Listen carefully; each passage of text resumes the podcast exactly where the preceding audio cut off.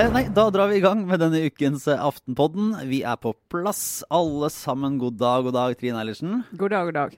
Hei sann. Sara Sørheim, vår faste gjest inn fra NTV. Hyggelig å se deg. Hei. Hyggelig å se dere også. Ja, eh, Nå er vi jo i gang med hva skal jeg si, innspurten mot jula. Så vi står i det strekket mellom eh, veldig travle dager med å bli ferdig med all slags eh, pes på jobb, f.eks. Uh, og den uh, bare sånn trege julestemningen uh, med medisterkaker og fett, som på en måte senker absolutt alt ned til et minimum. Vi skal snakke litt om diverse ting i Nord-Norge. Vi skal snakke litt om Kina. Vi skal snakke litt om Lillestrøm. mye på, på, gang. Men vi må få ta en liten sånn julesjekk. fordi du, du, hadde et punkt på programmet som du måtte innom, Trine. Du har vært innom den virkelige verden. Ja, jeg, jeg er jo stadig vekk det, for jeg har jo barn i skolen. Og dette er den tiden på året der du merker veldig godt at du har barn i skolen. Det var juleavslutning på mandag, juleavslutning i går. Da var jeg medlem av julegruppen. Eh, så vi eh, organiserte litt. Barna står for underholdningen. Det er jo, så, det er jo et eventyr. Det er altså, helt eventyrlig å se på. Jeg må fortsatt tørke maskara under øynene, for ja, jeg var på ja, nemlig ja. julefrokost med sang i dag i klasse 1A. Og ja. Kan, kan, jeg bare stille et spørsmål underveis her? Eh, når du er i julegruppen, Trine, ja. er du på en måte, vil du si at du er en annen person enn du er på jobb, eller er du ganske den samme? Nei, ja, hva skal jeg si. No, det, det, er ganske sånn eh, Det mye, var mye tak i den julegruppen, må jeg si. Ja. Så ble, ting ble gjort, da. Eh, men det er klart, jeg prøver jo å trå til hvis jeg ser at det er et vakuum et sted. Ja, så bare stiger jeg inn. Men denne gangen så fant jeg ut og det, det er jo Vi skal jo bake kaker. Og, det, og dette, dette, vil jeg forsvare til all min tid. at Toro skuffekake det er en nydelig løsning. Men så tenkte jeg det hadde alle de andre tenkt å bake, så nå skulle jeg på en måte skille meg ut. Av en eller annen grunn, Og så skal jeg bake gulrotkake. Herregud, eh, Fra Toro da, eller mener Nei, du ekte? altså jeg kan bake gulrotkake, og det tar ikke så lang tid. Så jeg tenkte at det var godt, og det er gøy, og det blir fint, og det blir litt variasjon. Så bakte jeg i to sånne svære former. Men så har manglet det masse til, til eh, glasuren eller kremen på toppen, så det så, det så litt sånn rart ut. Men jeg tenkte dette går bra. Så var det jule og forestilling og alt det, så skulle alle få kake og kaffe. Og så gikk jeg bortom kakebordet og kikket, og så var det ingen som hadde spist av min kake. Nei, det dette, dette, egentlig, det snakker vi for lite om. Ja, eh, det er jo lite, den ekte kakeskam. Ja, så det, ja. Da må jeg bare, bare innrømme, bekjenne at da, da kjente jeg på at uh, Hvorfor er det ingen som vil spise min kake? Ja. Og så merket jeg meg selv at jeg begynte å stå ved kakebordet. Og så når det kom folk bort, så sa jeg sånn Ja, det, ser den glasuren ser litt rå ut, men jeg tror den er ganske god. Men da vil jeg gjette at det var noen andre mødre som bare tenkte at nå må jeg ta Nei, det var noe pappa. For da kom det pappaen til henne, og han var bare Gulrotkake, det er så dyrt. Jeg elsker gulrotkake, men det er så dyrt å kjøpe. Og bare å få det gratis. Så, han bare, så jeg bare sto med han og tenkte var du et godt menneske. og jeg tror han spiste sikkert tre stykker når han sto der. Og, sa, og det endte med at jeg sa til han, for han var så begeistret da jeg, det siste jeg sa til han, vet du, Hvis du trenger en gulrotkake, et eller annet bursdag, bare, bare si fra! Men dette er hva denne tiden gjør med oss, Lars. Du kan få deg til å gjøre ting som man angrer på. Uh, og, og eh, den derre uh, det der forsøket på desperat fungere i en sånn sosial setting, mm. uh, som for min del, Trine, innebar at jeg ikke klarte å bake lussekattene som jeg, Nei. for jeg var også i julegruppa, skulle ha med på avslutningen i dag. Uh, og det var for det første litt skamfullt, men det som vel egentlig var mye verre, var at det jeg fikk tak i på Joker-butikken, var en sånn boks med sånn transfett julekaker. Altså, sånn palmeolje? ja. Sånn, det er palmeolje med litt sukker på toppen. Uh, så, og det er sikkert dødsfarlig. Og den derre papp, der papptallerkenen med de der Joker-julekakene som sto, de ble heller ikke spist. Trøsten var at det føltes ikke så ille at de ikke ble spist. Jeg har tross alt ikke nei, brukt noe mer enn 5,50 på det. Nei. Men Lars, derfor, dette her er grunnen til at det, denne uka er jo en helt, uh, det er en helt meningsløs uke. Det er, dette er det vi går og vasser rundt i.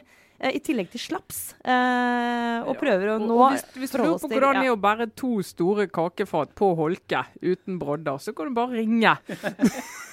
Jeg liker så bra, for det er særlig sånn stå ved siden av kaka di, så bare Den virker veldig mye mer attraktiv. Står sånn desperat uh, mor og bare ja, og tenk altså, Prøver å selge inn. Og tenk altså, tar du skuffekake, du òg, men hva med gull? Altså, jeg merket med meg sjøl, jeg måtte liksom gripe meg sjøl og si nå, nå, det var en kake. Ja. Oh, har det skjedd noe liksom i verden, Lars? Det er jo egentlig det spørsmålet du faktisk må, må opplyse både oss og lytterne om. Og jeg liker at det er, det er utarta fullstendig med en gang. Uh, nei, vi får vel hente det inn igjen, da. Til, til, av og til, Vi lever jo i spenningen da, som podkast mellom de som er, blir veldig sure når vi snakker om andre ting enn uh, veldig sånn kjernepolitikk, og så de som uh, setter pris på litt innblikk i, i, livet og hva det måtte bringe. så det, vi gir både det ene og det andre denne, denne uka her. For vi må jo snakke litt om Eh, først en ting vi ikke rakk i forrige uke, for da drev jo Børge Ausland og kjempa seg over, eh, ja. over Nordpolen. Og, og, det ble jo på en måte inngangen, denne desperate kampen mot klokken, som vi stadig fikk høre om, ble jo inngangen til uh, ukas uh, store debatt, uh, altså, som handler om, om, beredskapen i Nord-Norge. Og dette stakkars selskapet, svenske Babcock, som vant en anbudsrunde om, om, å drive luftambulanse i 2017, begynte i sommer. Og nå har det gått til helvete. og, og, og, det, og, det, skjedde akkurat samtidig som Børge Østland skulle gå på ski. Ja. Og det var jo en timing sånn rent sånn dramaturgisk, da, for, bare for å begynne med det. Sånn mediedramaturgisk. Uh, det var liksom omtrent samme dag som det var sånn vi, eh, Når som helst kommer vi og henter deg med helikopter. Ta det helt med ro. Eh, liksom, du polfarer som helt frivillig liksom, har befunnet deg i stummende mørke i 80 kuldegrader i liksom jeg vet ikke hvor mange dager. 76 dager. Og det er mye mer enn det, vet du. Ja, og så faktisk ikke vil ha hjelp. Også, sånn, nei takk, jeg vil helst falle ned i en råk helt alene og, og kave meg opp igjen. Så vær så snill, ikke send det jævla helikopteret til meg. Det, det, ser jeg på som en fornærmelse. Så har du liksom den, den, situasjonen der. Og så er det sånn OK, vi har en landsdel uten legehelikopter samtidig. Det var jo et, et, helt tilfeldig. Eh, det er ikke snakk om samme helikopter heller. Men, men, uansett, det var jo en forferdelig eh, dårlig start på den diskusjonen. Ja, det var lettere å få oppmerksomhet om den ambulanseflyfraværet uh, i den kontrasten. Ja, det var det. Dette er jo tidenes whataboutism-historie, egentlig. Men uh, det var jo uh, Det er jo interessant, da, med de der polfarerne, for å begynne med det, det lette. polfarerne som altså, så, Det er en viktig del av vår identitet, egentlig. Vår nasjonale identitet. Nordmenn vi driver og går på ski på umulige steder og setter ned flagg. og er, altså, Vi er overrepresentert blant verdens oppdagere, jeg, må, må jeg mene. Jeg er litt usikker på om det egentlig er noen andre som driver med sånne oppdagelser i det hele tatt. Ja, i hvert fall på den type. De driver og ja, klatrer fjell og sånn. Ja, eller så oppdager de eh, varmere strøk. Ja. ja, mer sånn Ja. Mer behagelige strøk, da. Mer sånn badebukse. Ja. Og det driver jo ikke nordmenn med. Og der er det liksom Ja, det, det, det er helt topp å gå av seg tær og frostskader og fingre som faller i isen og Ja, du vet. The works. Mm. Men det har liksom vært en sånn og I, gamle dager når Amundsen og Nasene gikk, så var det òg en sånn De forsker, sant? henter inn data og får eh, hjem ting som forskerne kan, hjemme kan forske videre på. Og nå er det jo, for å sette på spissen, så er det jo mer sånn Ja, du, du reklamerer for norrøna. liksom litt annet bakteppe, sant. Så det, den der eh, magien rundt polfarerne, da, den over natten så smuldret den litt. da. Vi har jo hatt, De er jo sånn kjendiser, alle de norske mm. sånn eh, oppdagerne og klatrerne og de som går over isen. Men, og det er jo kommersielt. sant? De er jo kjempesponset. Og for alle disse Bergans og Norun, alle disse som gir utstyr til disse her, så er jo det, det er en helt vesentlig del av markedsføringen. Det er jo disse folkene her. Og plutselig så ble det der snudd, da. Ja, men det var jo egentlig ikke altså Jeg har lyst til å forsvare liksom, disse polfarerne midt oppi det hele. fordi eh, det som jo gikk galt denne gangen, var jo eh, liksom, pressedekningen. Eh, det var litt den der, jeg Husker dere den Sommerøy-saken? Å, øya uten klokke. Ja. Ja, ja, eh, som var bare et reklameframstøt. Eh, og så litt som det, det, var vel Vi må vel kunne si at det var liksom den eh, det der ene spørsmålet som er sånn Er de faktisk i livsfare eller ikke? Mm. Det har jo også pressen et ansvar for å stille, og det ble jo ikke stilt. Nei, jeg, jeg, jeg, lurte I starten av dette her så var det sånn Hæ? Kan det alltid, Skal vi dekke dekke, skal vi livedekke Børge Auslands død på et isflak? Ja, ja. Liksom, altså, Vega hadde til og med en sak som var sånn Se hans fantastiske liv i bilder. Ja. Eh, og det, en sak som ellers, i hvert fall vet vi som jobber med journalistikk, den forbeholdes Den, den pleier å komme etterpå. Den pleier å komme etterpå. Ja. etter det har gått godt. Men, men, det er jo litt For det, det er jeg enig i, Sara. For det, det der med å ta seg en tur over polpunktet og alt sånn og disse oppdagerne, holdt på å si, eller eksplorerne, de eh, betaler forsikringer herfra til evigheten, som ja. nettopp skal sørge for at de kan bli hentet ut hvis noe går galt. Så det er ikke det at de liksom baserer seg på at du skal ta eh, luftambulansen og bli Nei. hentet hjem hvis du knekker beinet. sant? Det er altså, ikke sånn. Nå har jeg betalt skatt i hele mitt liv. Nei. Nei. de er ikke der i det hele tatt. Sånn at, der, at de skulle liksom rykke løs fra eh, fellesskapets ressurser, det er jo ikke sånn det er.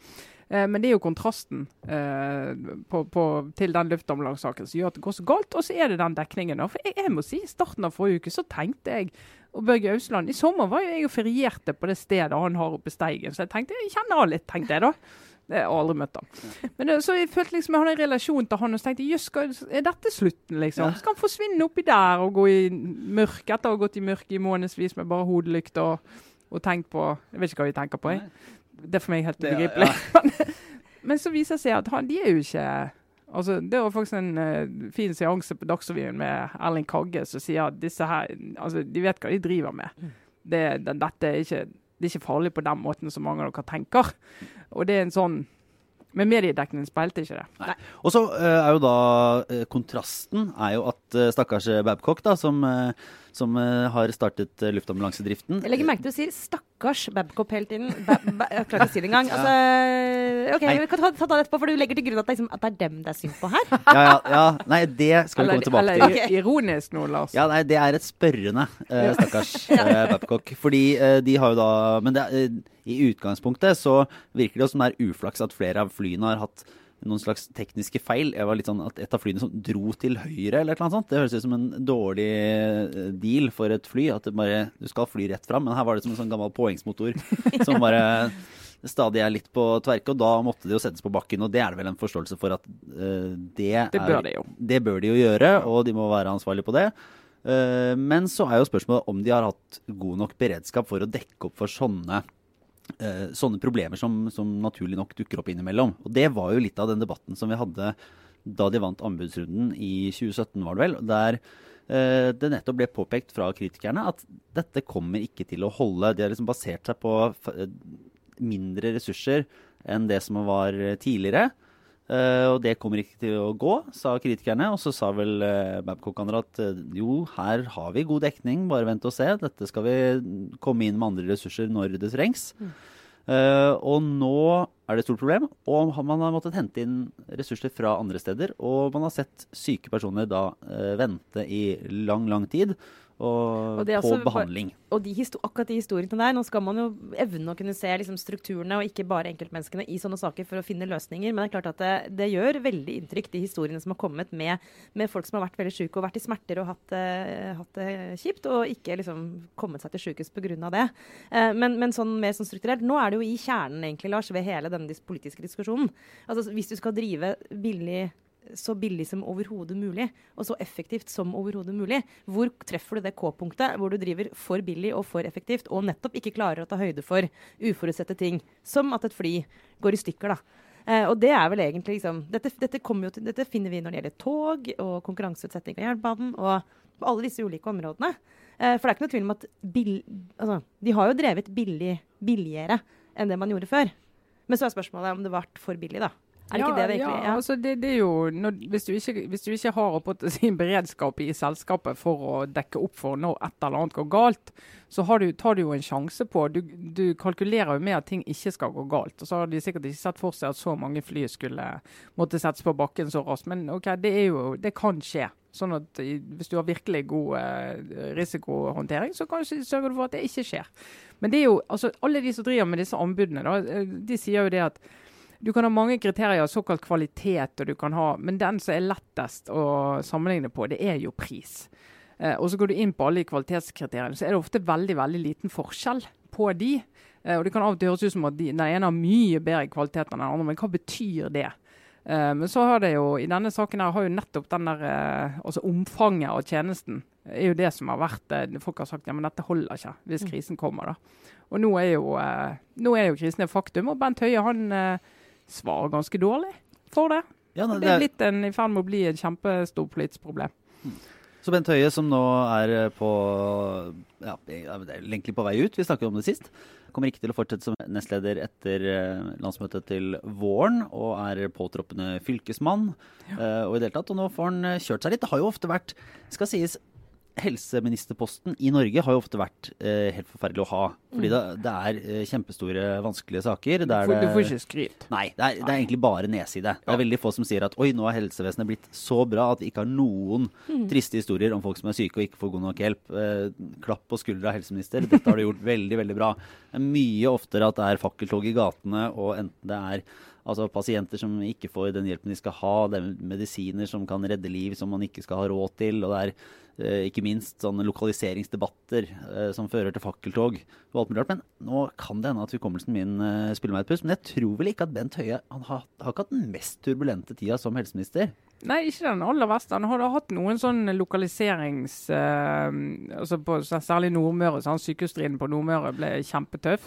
Men det er en litt sånn hundreårskrig. Den går, Ja, den den, liksom den går og går og gjennom, går, eh, og så er det jo sånn lokalsykehus. Det er sånn, Ja. Men det er jo en konstant i norsk eh, syke- og sykehus- og helsepolitikk. Og det var det jo under de rød-grønne òg. Nedleggelse av lokalsykehus og akuttjenester og fødetilbud og sånt. Så det er jo intet nytt under solen der. Men denne her er jo en litt sånn for det, det er jo ikke alltid at uh, politikere gjør, får gjort et uh, vedtak, eller satt i gang en eller annen runde, og så eh, fremdeles sitter når effekten av vedtaket kommer. Og det er jo det som har skjedd i denne Babcock-saken. da. Så At du sier at dette tror vi går bra, og så går det ikke bra. Og så skal du på en måte forsvare beslutningen du tok. Og det er jo veldig sunt. Det er veldig sunt å måtte gjøre det, at vi får se sånn gikk det. Eh, og opposisjonen selvfølgelig skal jo eh, bare kjøre på i, den saken. Men så på mandag så ble han jo eh, avkrevd svar i Stortinget av eh, SV og Rødt, vel. Og da eh, sa han at eh, men nå, nå kan ikke jeg Nå må vi få løst dette. Jeg kan ikke be alle de som nå jobber for å løse problemet med å sitte og skrive for at jeg skal kunne svare Stortinget. Nå må vi liksom vente litt, da. Så han var Men spørsmålet er jo hvor stor eh, sak blir dette mer sånn politisk? Altså De får jo løst, eh, får vi håpe, eh, akkurat den akutte beredskapssituasjonen. Men, men det er helt åpenbart for SV.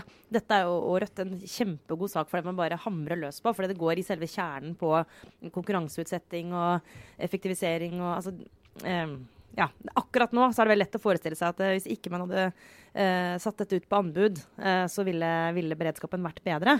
Eh, så er spørsmålet liksom, hvor, hvor godt poeng har de? Det går jo an å argumentere selvfølgelig helt motsatt med ganske stor styrke og si at eh, det er krise at beredskapen blir for dårlig, men det er ekstremt dyrt å, å ha for god beredskap. da. Det er bare at eh, prisen selvfølgelig menneskelig sett mye lavere, men, men det å skulle drive dette her uten nettopp å, å gjøre disse anbudsrundene, og uten å prøve å tvinge fram en effektivisering, samfunnsøkonomisk er jo kjempedyrt. Det er bare det at det er en mye vanskeligere sak å selge inn eh, i den politiske debatten.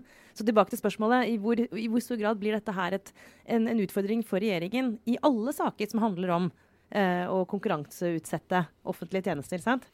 Altså, Kommer SV til å bare kjøre videre på dette? Har de nå Ja, fått ja. en gullsak inn i Ja, 2021? og De kommer jo til å kjøre videre på det, for det er en god sak for dem. Og det er en sånn klassisk skille mellom høyre- og venstresiden. Og nå argumenterer jo altså Arbeiderpartiet og Senterpartiet vil jo at staten skal overta dette. Og det var jo ikke sånn at staten hadde det før. Det er Gud bedre vet ikke om det er så lenge siden de har hatt det.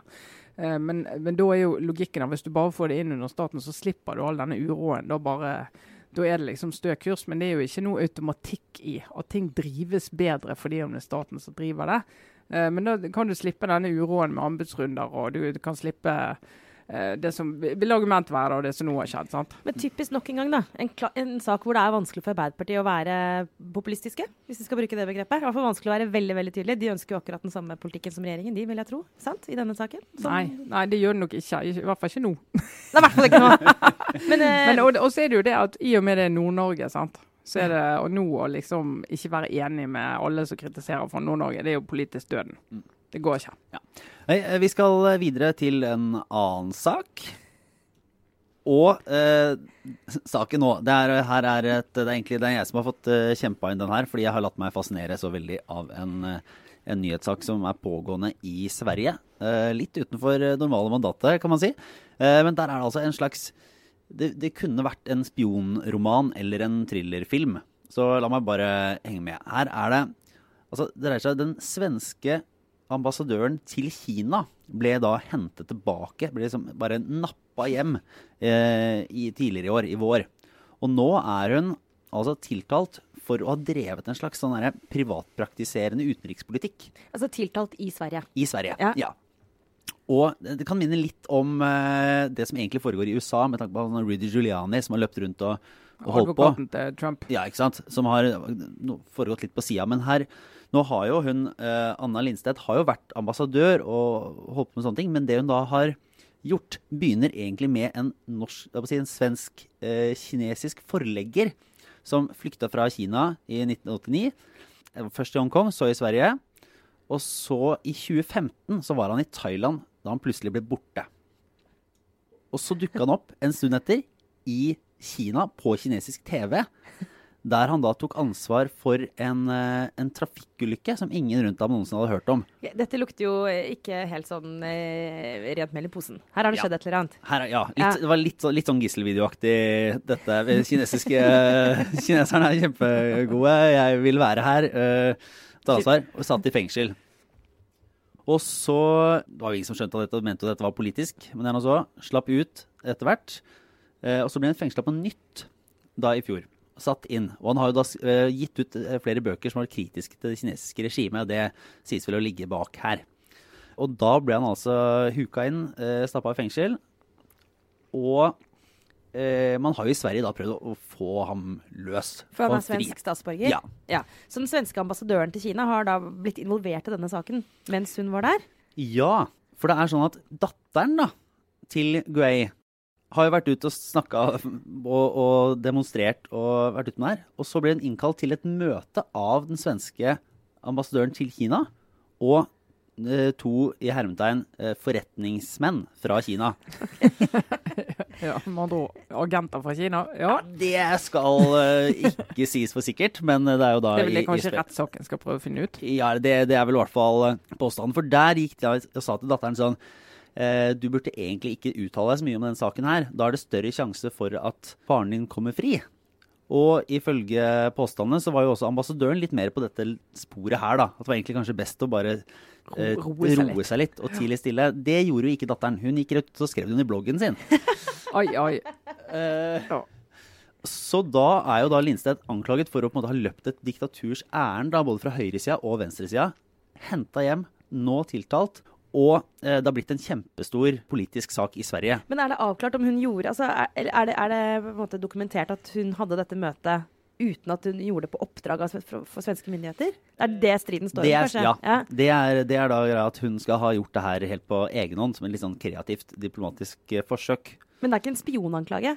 Det er ikke så, nei, så langt? Nei, nei, det er i, det er ikke helt i spionland.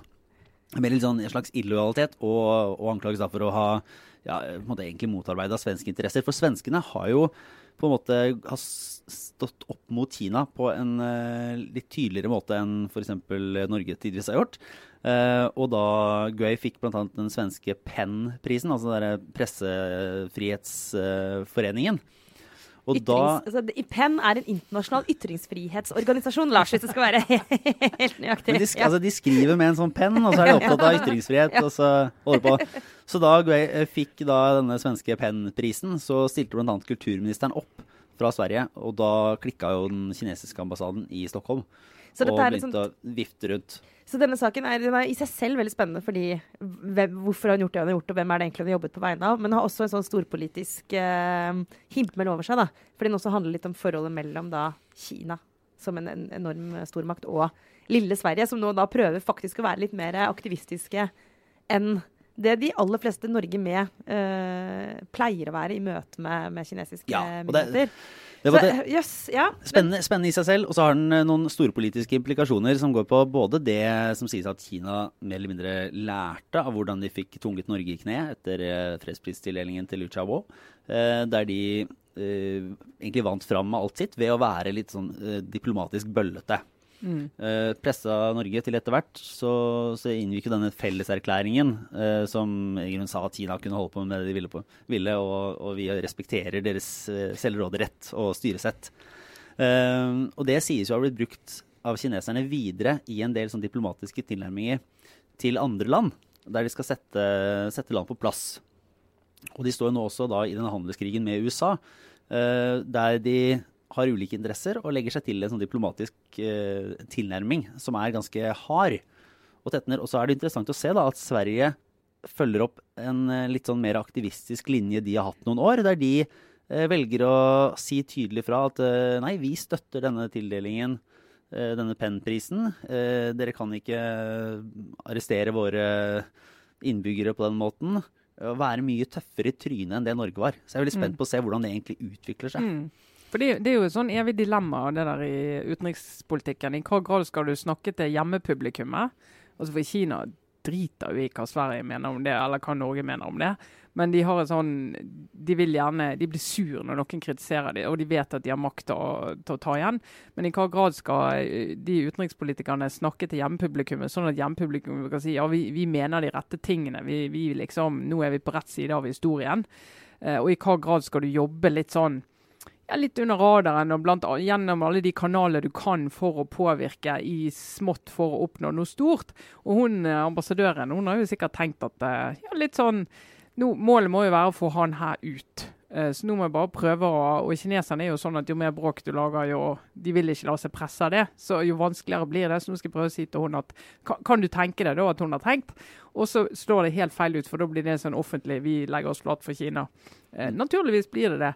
Men hennes intensjon har jo sikkert vært å prøve å hjelpe ja, altså, på en litt sånn altså- klassisk diplomatmåte. da, sant? Ja, vi må jo forutsette at hun ikke har hatt en uh, ondsinna plan om å forpurre dette her. Det, det, er det vel ingen grunn til å tro. Ja, så det er nettopp de diplomatiske hensynene som man tar, og, og, de vurderingene som er for å, hvor er det man kan finne en løsning, og når er det man skal stå opp og være litt tøffe. Uh, og det føyer seg jo da inn i liksom store internasjonale spenningen mellom måte, den uh, vestlige verden og, og diktaturer og, og mm. ettpartistater som Kina, da, som, mm. som uh, nå står opp mot en, en, da en vestlig verden leda av USA som ikke lenger eh, er like trygg som handelspartner og sam, samarbeidspartner for andre land. Ja. Mm. Og så er det jo altså i Kina stor diskusjon i EU og i USA. Det er jo denne Huawei som skal inn, og det er konkurranse om hvem som skal få bygge ut 5G-nett rundt omkring i verden. Og Huawei har veldig lyst til det. Og da er kineserne i sånn dilemma. For på den ene siden så altså hele argumentet, et av argumentene mot Huawei det er at skal vi virkelig la de sette opp master rundt omkring og, og, eie på en måte et nett som er noe av det mest sånn personsensitive vi kommer til å ha. Her kommer det til å være pasientopplysninger og alt mulig liksom, som skal formidles i dette nettet. Uh, og tror vi at de vil klare å labben, legge labbene unna hvis de har muligheten til å få innsyn i, i data, og har de den muligheten? Eh, eller skal vi liksom behandle Huawei som et helt vanlig selskap som konkurrerer i det internasjonale markedet? Og så er det helt utrolig viktig for kineserne å si at det er bare et vanlig internasjonalt selskap. Akkurat som Eriksson i Sverige, som også har lyst på disse kontraktene. Og, men de kan ikke både si det og si Hvis ikke Huawei får den kontrakten, da skal pinadø bli månelyst. Så de, du ser at kineserne skal liksom overbevise om at Huawei er helt løsrevet fra kinesiske myndigheter. Som sikkert ikke så få som tror på. Nei. Men når er det denne saken kommer opp i det svenske rettssystemene? Det er jeg ikke helt sikker på. Jeg antar at det må være en gang etter, etter jul. Og, og, hvordan Ja, det, det må, det, jeg ser at det er ting jeg må lese meg enda mer opp på. Jeg kommer til å følge. Men det er, uh, det er veldig fascinerende at uh, liksom både sånn den storkonflikten og den der lille historien om denne enkeltmennesket som mystisk ender opp i ulike land og plutselig er litt fri og fanges og Ja, nei, det er mye, mye drama. Eh, men vi går vel eh, videre inn i litt obligatorisk refleksjon. Eh, Sara har litt bekymret rynke i pannen her du mm. sitter.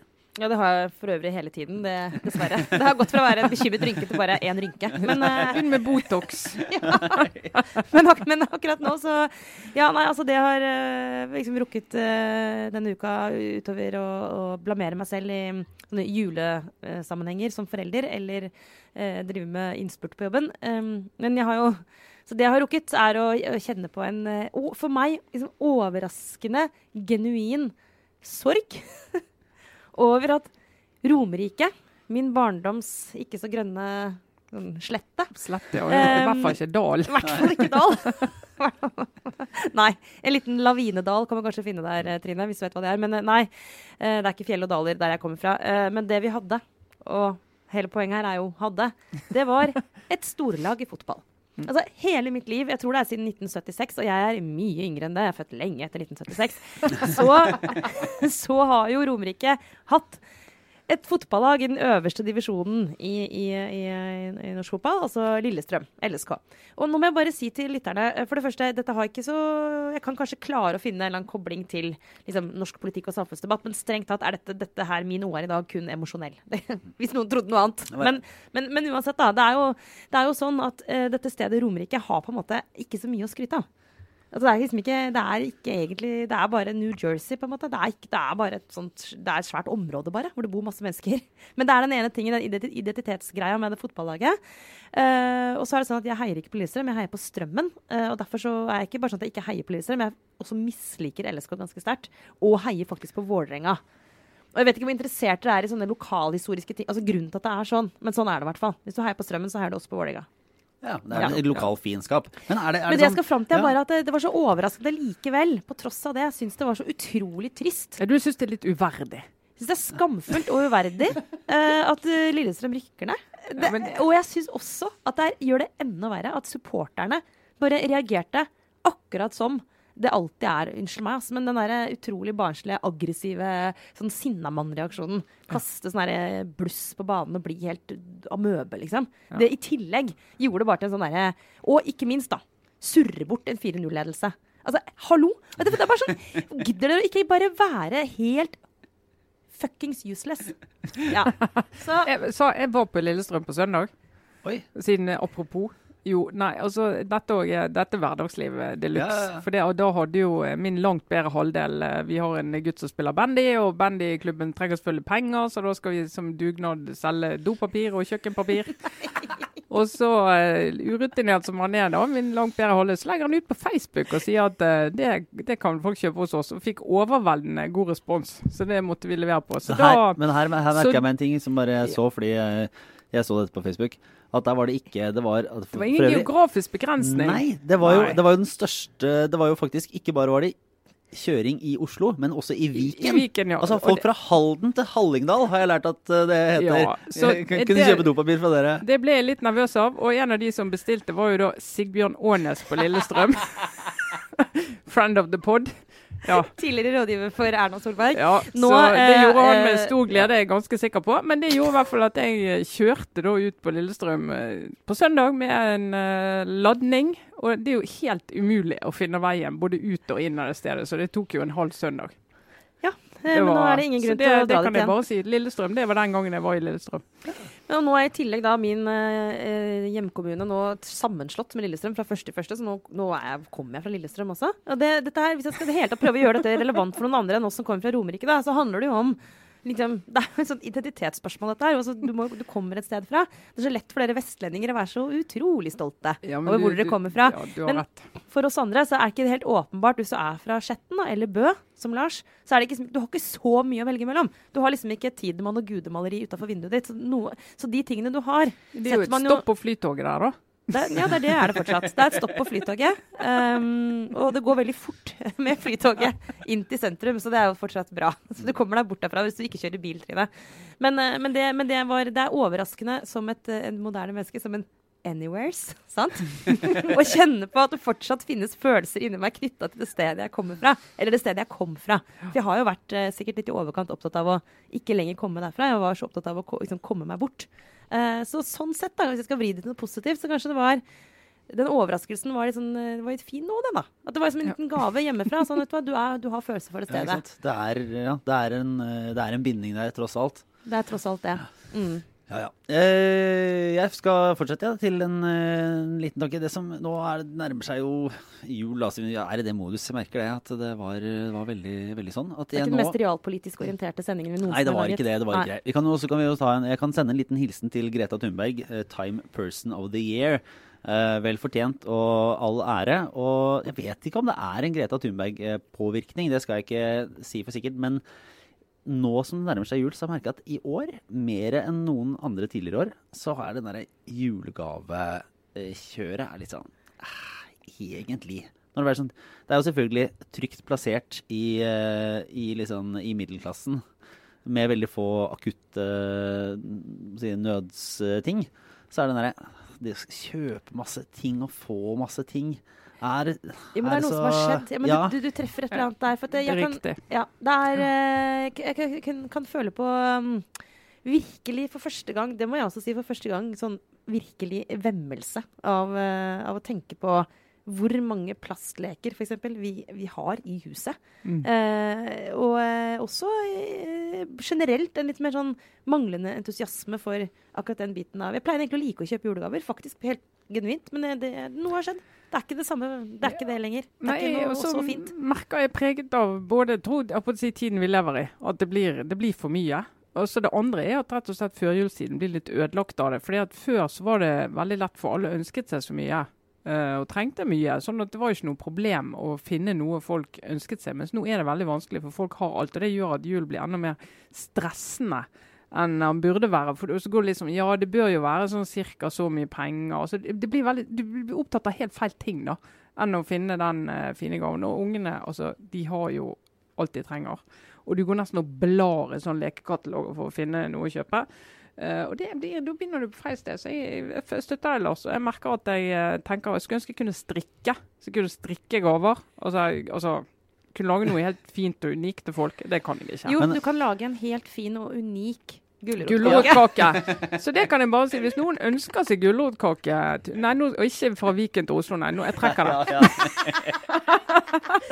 Nå, folkens, er det det nærmeste vi kommer så Trine i sånn julemodus. Ja, Heldigvis tok jeg rask selvkritikk. helt over. Vi ja. kjører gulrotkaker til Lillestrøm Oi, hver dag. Ja. Nei, altså, men jeg, jeg, jeg kjenner følelsen, Lars. Jeg gjør det. Ja. det. Det er et eller annet fundamentalt her, så vi må Ja. Ja, Men for kan vi ikke, liksom, for da, Når vi nærmer oss slutten av dette helt utrolig kaotiske og rare året 2019 eh, Men i så fall, da, så velger jeg å tro at av alle de mm, mer eller mindre politiske vindene som liksom har strømmet over vårt land denne kan jeg i hvert fall si helhjertet at jeg stiller meg bak.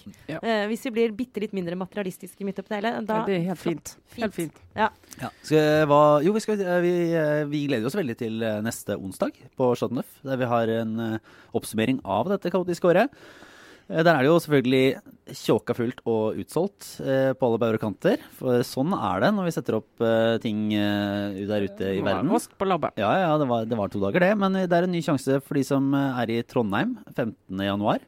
Så det blir også veldig gøy. Og så kommer det jo snart eh, nye ting.